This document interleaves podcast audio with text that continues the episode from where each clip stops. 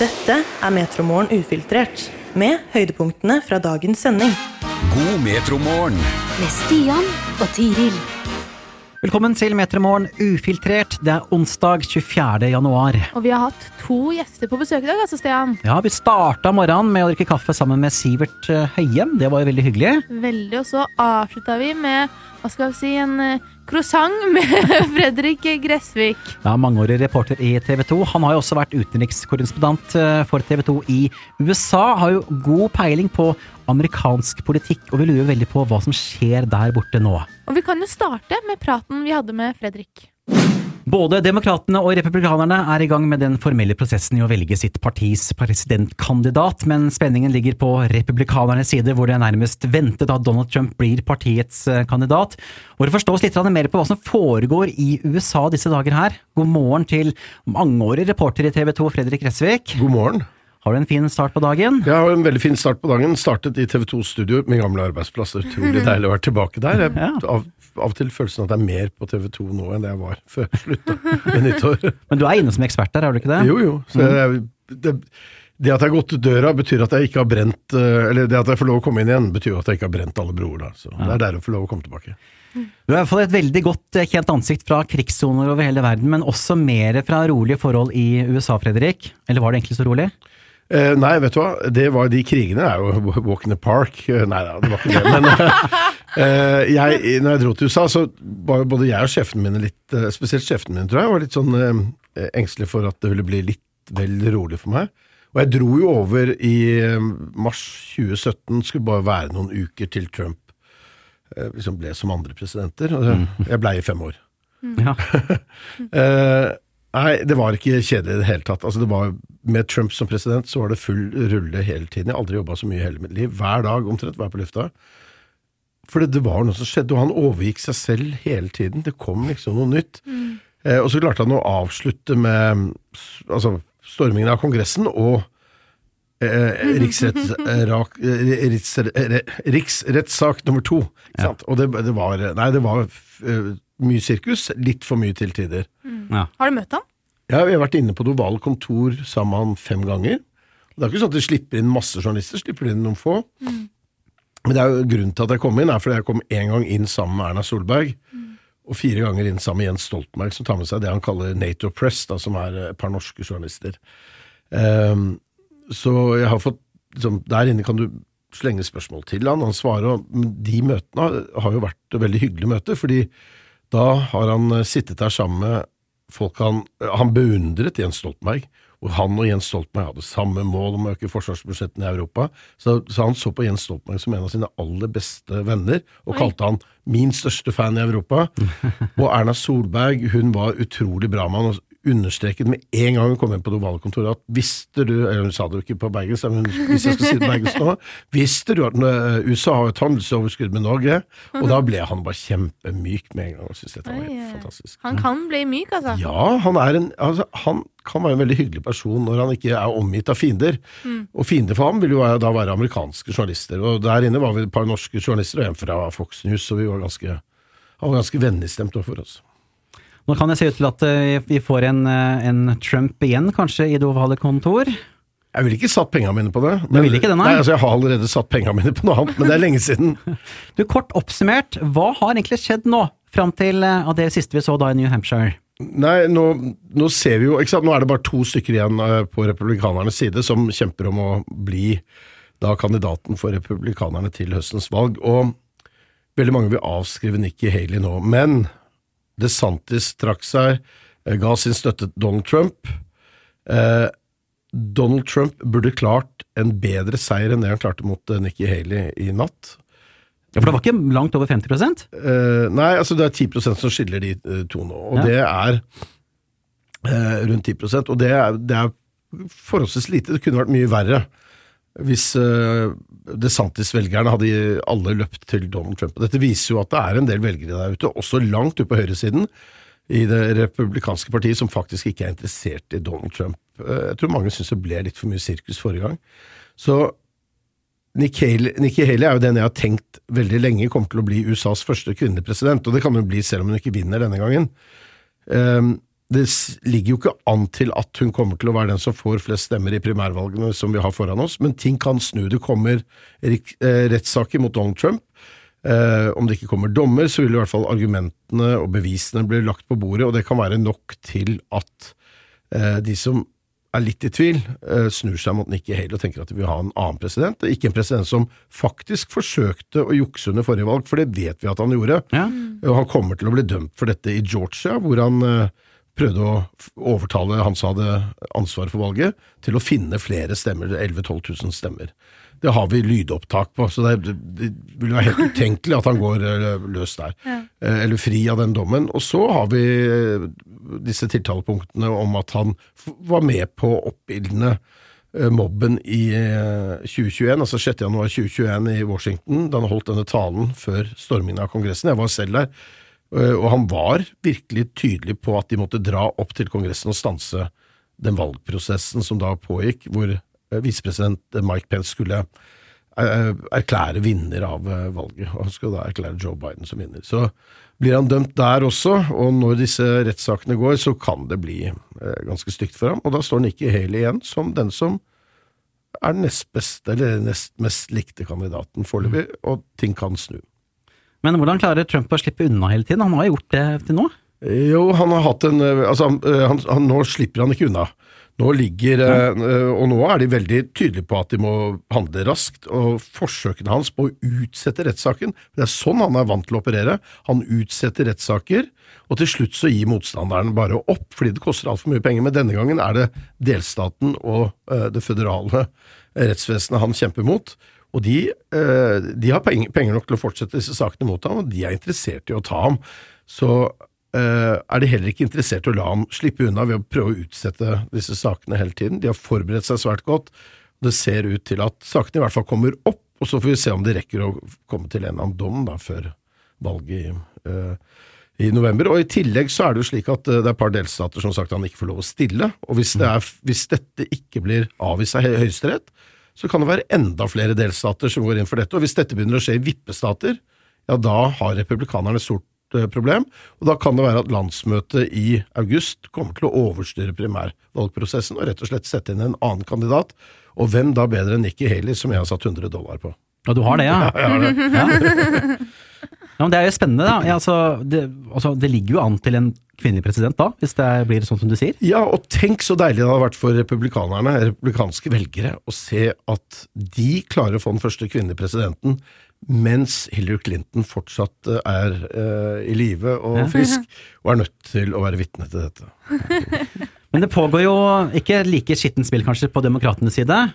Det skal jo velges en presidentkandidat i utgangspunktet der også. Ja, nå er jo, alt ligger jo liksom eh, opp til at Joe Biden skal være presidentkandidaten. Jeg tror jo kanskje at det foreligger en litt sånn større plan herfra, jeg håper det nesten, fordi vi ser alle sammen at Biden er blitt uh, Han er noe helt annet enn den, en helt annen enn den Joe Biden jeg fulgte i valgkampen i 2020, som var energisk, masse energi, talte folk og Altså, det var han har blitt 122 år eldre i løpet av de siste fire årene, dessverre. Eh, Så jeg tenker at hvis det står mellom Trump og ham, eh, hvis det er Trump som er republikanernes kandidat, så er det nok Biden, med mindre et eller annet skulle skje helsemessig med ham, eh, som gjør at han er helt ubrukelig i november. Hvis det er Nikki Haley, så kan det være at man tar sjansen på å kjøre fram Camela Harris, som jo er den eneste som da vil ha en plattform av noe særlig grad. Hvis ikke Californias guvernør Gary Newsom, som er ganske populær, eh, i hvert fall på venstresida i partiet, hvis ikke han skulle bli kjørt fram eh, som en kandidat. Men da bør det skje ganske raskt. Men Du nevnte jo Camilla Harris, visepresidenten. Hva skjedde egentlig med hun? Er ikke hun blitt litt borte? Vet du hva, det sier alle sammen, men det er helt vanlig at visepresidenter ikke skinner når presidenten har en mulighet til gjenvalg. Hvis det er i siste presidentperiode, og man vet det er siste presidentperiode, så holder man også igjen litt, sånn at ikke folk skal bli drittlei den personen som da er visepresident, og så kjører man de ut mot valget.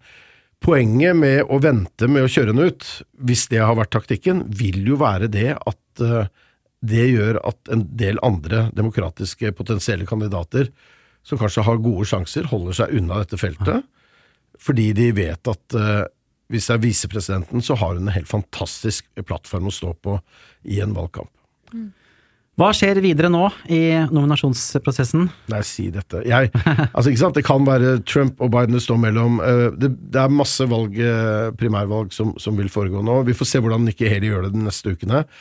Det tyder jo på at det er Trump som vil få flest stemmer. Eh, Så, så vi skal ta meningsmålingene Hvis vi tar de og ser på de og tenker oss hvordan det sannsynligvis kommer til å gå, så er det Trump og Biden kommer til å stå om. Å, herre min. Jeg tenkte ikke jeg, for fire år siden jeg fulgte valgkampen mellom de to, at det var der vi skulle havne igjen. Altså Allerede da føltes det som om eh, eh, de var i eldste laget. Og husk på at det, den som blir valgt som president nå, er president om, til, helt til januar om fem år fra nå. Ja. Det er ganske langt perspektiv. Og vi ser jo at eh, Trump eh, de siste ukene har begynt å rote litt med, med navn og sånn, så vi får se. Tusen takk for at du hjalp oss med å forklare litt med mer hva som skjer i USA, Fredrik Røsvik. Tusen takk for at jeg fikk komme. Det var hyggelig. Dette er Metromorgen ufiltrert, med høydepunktene fra dagens sending. På besøk i denne onsdagsmorgenen her, så har vi en av Norges dypeste røster, Sivert Høyem. God morgen. Morgen, morgen. Hyggelig å være her. Ja, og gratulerer med dagen som nettopp var. Takk for det. Jeg er blitt, eh, jeg ble 48 på mandag. Ja. Så det var greit. Kanskje ikke så mye mer enn det. Jeg hadde også bursdag på mandag, Har du det? ja. Eh, men jeg ble jo da 26. Ok. Ja, ja. Ja, Men du har mye, mye, mye godt i, i, vente. Nei, jeg, jeg feirer ikke så voldsomt. Det er mye å gjøre. Kommer ny plate og greier, så Spiste du noe godt? Noe, gjorde du noe spesielt? jeg spiste en lasagne som jeg laga sjøl, Ja. Oh. og så gikk jeg ut og tok et par øl Ja. med kona mi. Ja. ja, men er ikke det hyggelig, da? Ja. ja. Fikk du, får, du- er du sånn som får bursdagssang på senga? Ja. Det var dagens høydepunkt. Ja. Men hva er forskjellen fra jeg blir 48, da, 26 som Tiril ble? Feiringa kan jeg se for meg litt uh, annerledes. Eller jeg vet ikke hva du sier. Nei, det var jo mandag, da, så det ble jo jeg tror, det ble ikke noe feiring da, nei. Nei. Eller bare en lunsj med mor og far og søster. Og så skviset inn i en hektisk hverdag, egentlig. Ja. Hvor hektisk er det for deg om dagen også, Sivert? Veldig hektisk. Eh, som sagt, eh, det kommer en ny plate fra meg på fredagen. Ja. Den heter On an Island. Så jeg har liksom eh, holdt på og promotert den og gjort masse intervjuer.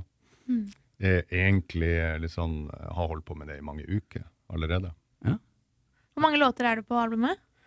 Det er bare ni.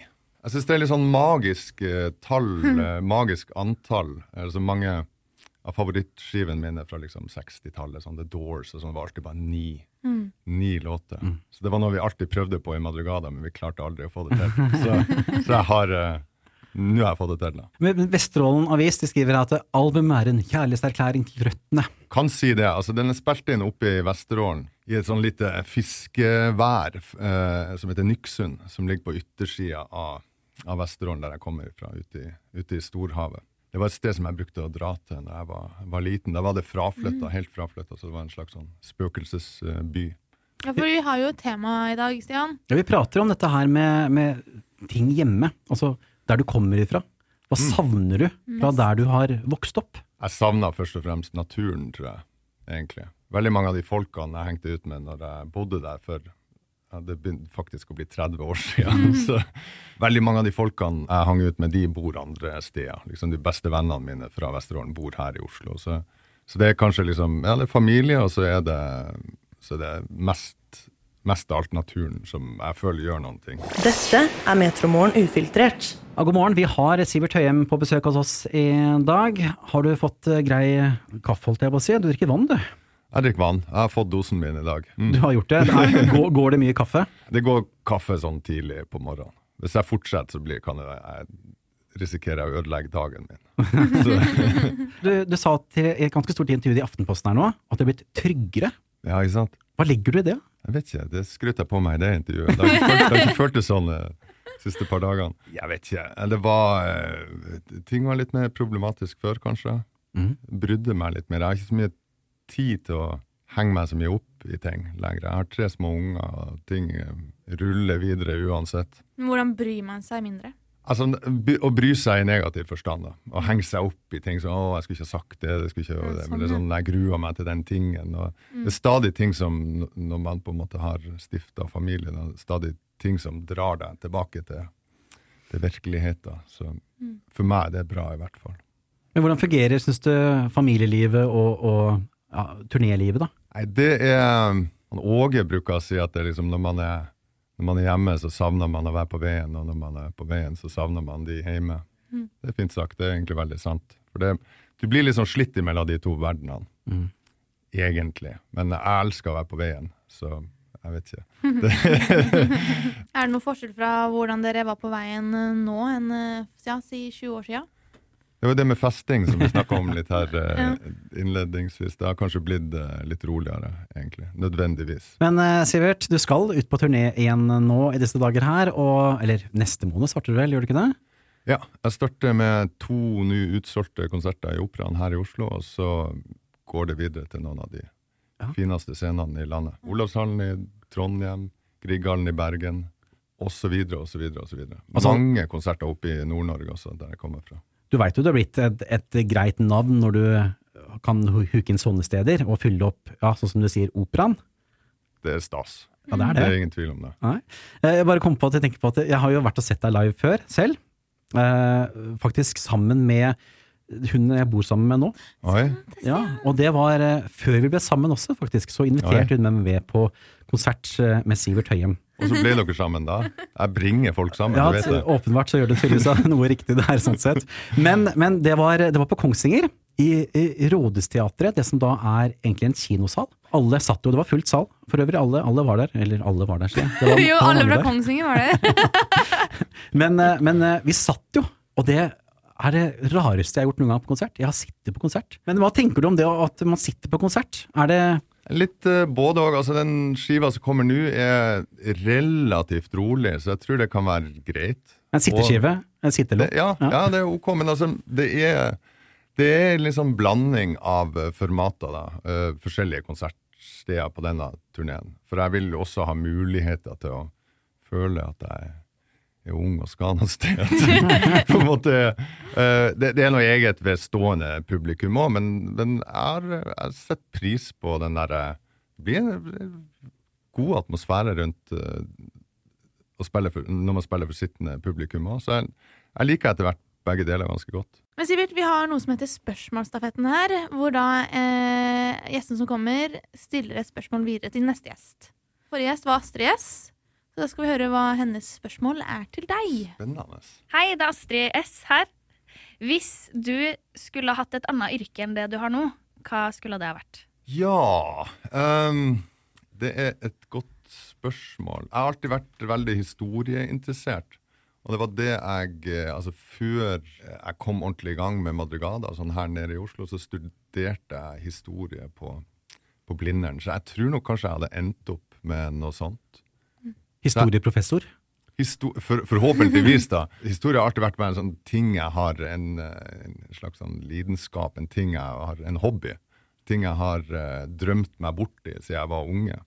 Så jeg fikk veldig sånn sjokk når jeg kom på universitetet og skjønte at det her var en akademisk uh, et akade altså, altså noe man, man skulle studere uh, seriøst og liksom med Jeg bruker teorier og, og ja, alt mulig. Liksom være kritisk til kildene og sånne ting som er sånn, høres veldig obvious ut i dag, men, uh, men jeg trodde bare historien, det var den, det var den boka man leste i. sånn var det. Så, så jeg, eh, jeg fikk et lite sjokk der. Og eh, det ble vel etter hvert bare noen ting som jeg gjorde for å få studielån. Men, uh, men jeg, må, jeg hadde nok endt opp der, tenker jeg. Historie, arkeologi, et eller annet sånt. Men eh, er du fortsatt interessert i historie? Veldig, veldig. veldig. Ja. Jeg bruker masse tid på å lese historiebøker, høre på historiepodcasts. eh, Det er det jeg gjør. På. Jeg bruker kanskje av og til litt mer tid på det enn jeg bruker på musikk. I litt sånn down-perioder hvor jeg ikke er så veldig uh, inspirert, så føles det nesten litt sånn. Har du noen sånn favoritthistorie eller tidsepoke? Det flytter seg hele tida. Uh, det starta jo med da jeg var liten, så var det jo selvfølgelig litt sånn der uh, vikingtida og det som vi man kalte for riddertida da man var, da man var liten. så, så middelalderen. Men uh, Og så husker jeg når jeg var litt eldre enn det, så var det de her eh, radioprogrammene til han der Richard Herman. Eh, han skrev om Tudor-tida i, i England, liksom Elis dronning Elisabeth og sånne ting, da ble det veldig mye altså, Så engelsk historie er jo det er jo ja, det samme som engelsk har den samme statusen som engelsk fotball, på en måte. Så, Takk for besøket, Sivert. takk for det, og veldig hyggelig å være her.